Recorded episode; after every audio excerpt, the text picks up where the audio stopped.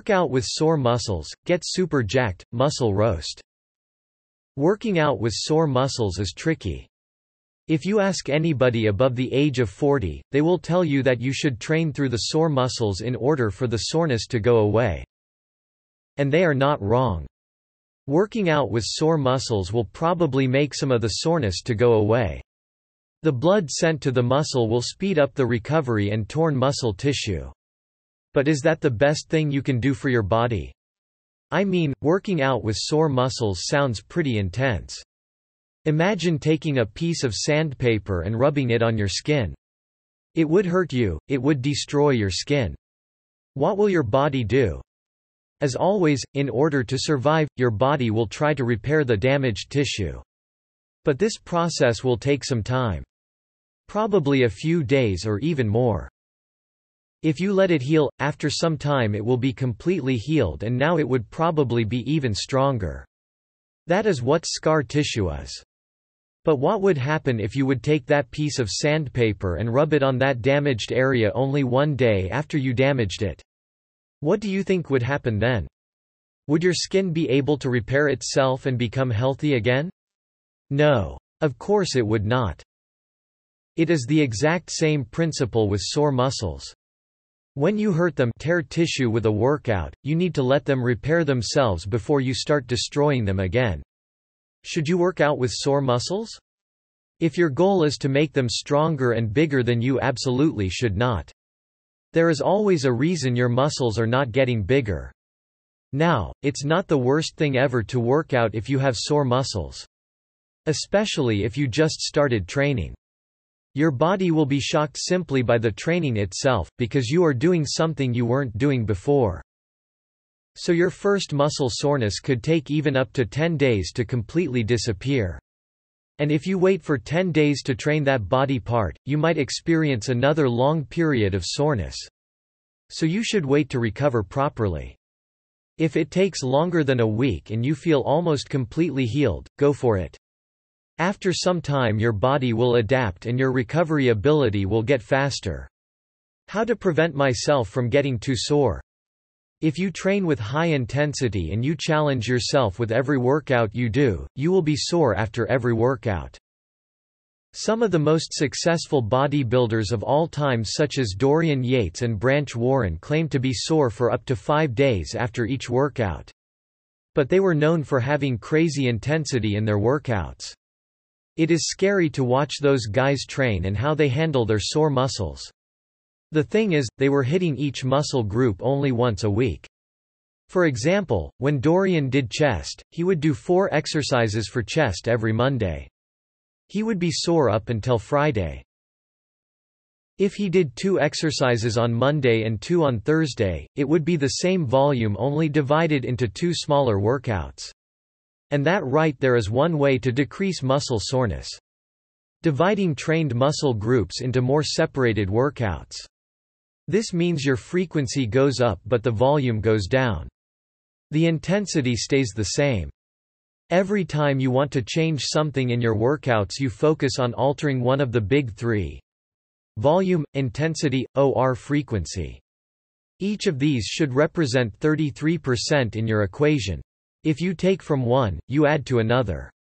Also boosting other aspects of recovery can be beneficial in terms of less muscle soreness. Making your diet as complete as possible and as rich in protein as your body requires. Don't underestimate the importance of micronutrients as well. Drink plenty of water, especially during your workout. Have at least 7 hours of good sleep and if you have the luxury, take a nap during the day, ideally after you train. Is being sore after a workout good? Being sore after a workout means that you actually broke down the muscle fibers and that trauma has occurred. Your body will have to recover and build more mass and strength in the process, so it is definitely a good sign. But being overly sore probably means that you did more damage than your body can actually recover from. The recovery takes some time. Everything else just gets broken down and it is lost. You can affect this not only by modifying your workout intensity, but as mentioned above, by adhering to your diet, hydration and rest. If your sore muscles start taking a really long time to heal, it's usually a sign that something is wrong with your recovery ability. Don't worry if that happens after you train legs. Legs are usually take about two days to get really sore. But if it happens with other muscles, be sure that something is wrong. In most cases, the reason is not meeting your protein requirements. Test your body. Give it 10 grams of protein more and see how it responds. The whole bodybuilding journey will be trial and error type of thing. Don't be scared to experiment. Take notes, log everything or at least the most important things, like your food and strength. How long should I be sore after a workout? At the top intensity, your muscle soreness should last up to 5 days. If you train in the morning, you should start feeling a bit achy as the day is ending. After you wake up the next morning, if you slept and ate well, you should feel the full force of it. The next day should be equally as painful. In some cases even more painful. The third day should be very painful, but less painful than the day before.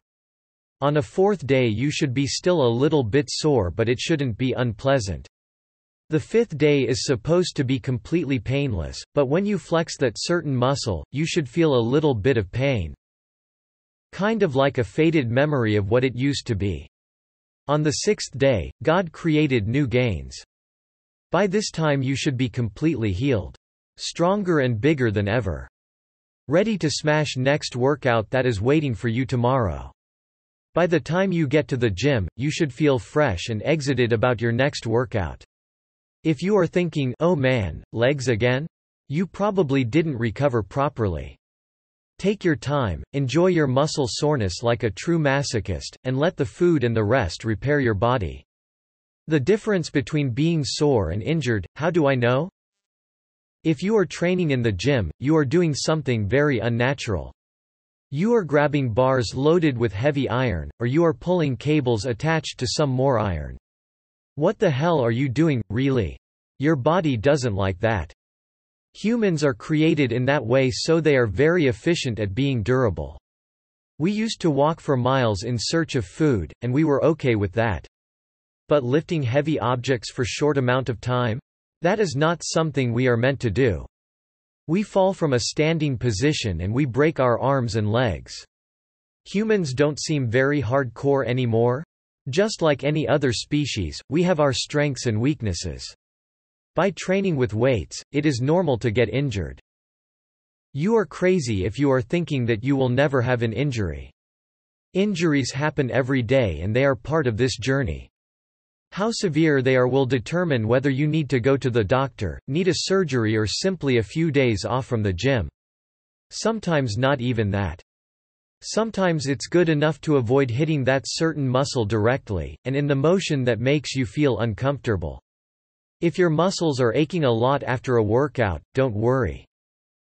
You probably just trained them a bit too hard.